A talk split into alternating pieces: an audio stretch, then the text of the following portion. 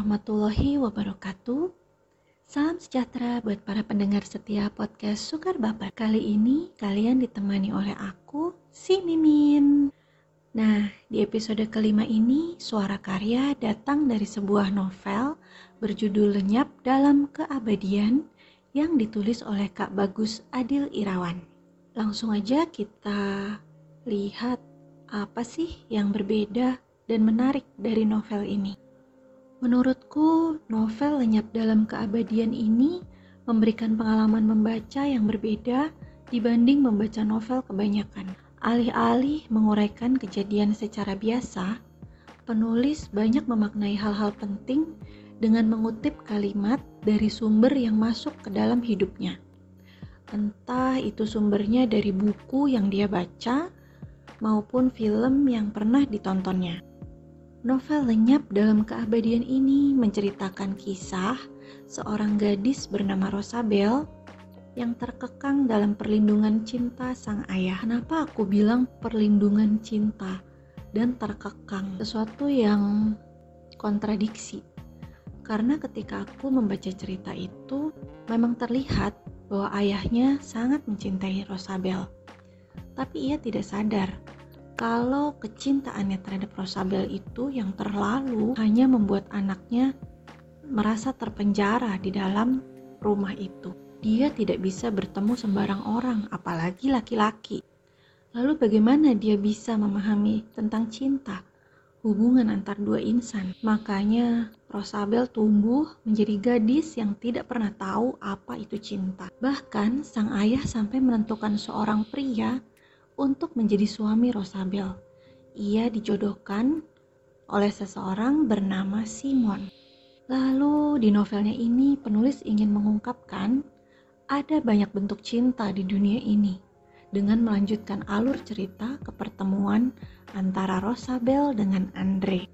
Dan menurutku penulis mengemasnya dengan begitu indah lewat setiap rangkaian kata. Membuatku berpikir Duh, menggemaskan sekali sih. Pertemuannya sih pertemuan biasa, tapi penuturan sang penulis berhasil membuatnya menjadi luar biasa ketika dibaca.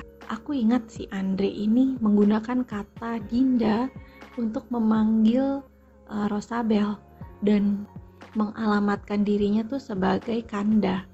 Dan entah kenapa itu membuatnya menjadi um, lucu, menggemaskan aku jadi mesem-mesem. Lalu dari pertemuan pertama, mereka berlanjut ke pertemuan selanjutnya.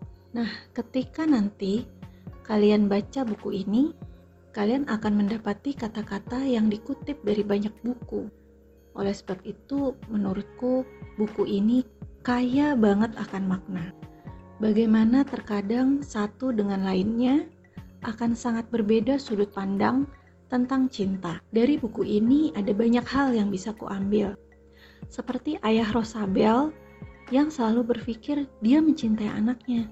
Tapi ternyata mungkin itu dianggap berbeda oleh Rosabel. Hal itu karena cinta yang terlalu dan akhirnya menjadi eksklusif dan malah menyakiti.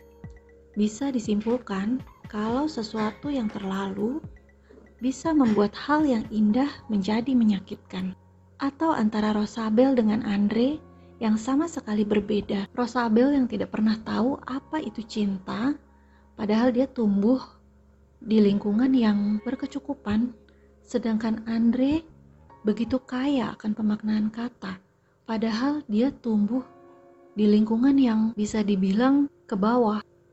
Lantas, bagaimana hubungan Rosabel dan Andre kalau sampai ayahnya tahu Rosabel bertemu dengan orang lain? Terlebih seorang pria, bagaimana nasibnya? Dan ketika perjodohan itu ada, apakah dia bakal terkekang juga dalam perjodohan yang dilakukan sang ayah? Nah, gimana? Penasaran kan? Kalau Mimin penasaran sama makna di balik judul lenyap dalam keabadian itu. Apa itu keabadian? Apa yang lenyap? Nah, kalian yang pasti penasaran bisa langsung cari novel ini di aplikasi Novelmi Judulnya Lenyap dalam Keabadian. Karya Kak Bagus Adil Irawan. Sekian dulu sesi suara karya dari novel Lenyap dalam Keabadian. Saya Mimin Podcast Sukar Baper pamit. Wassalamualaikum warahmatullahi wabarakatuh.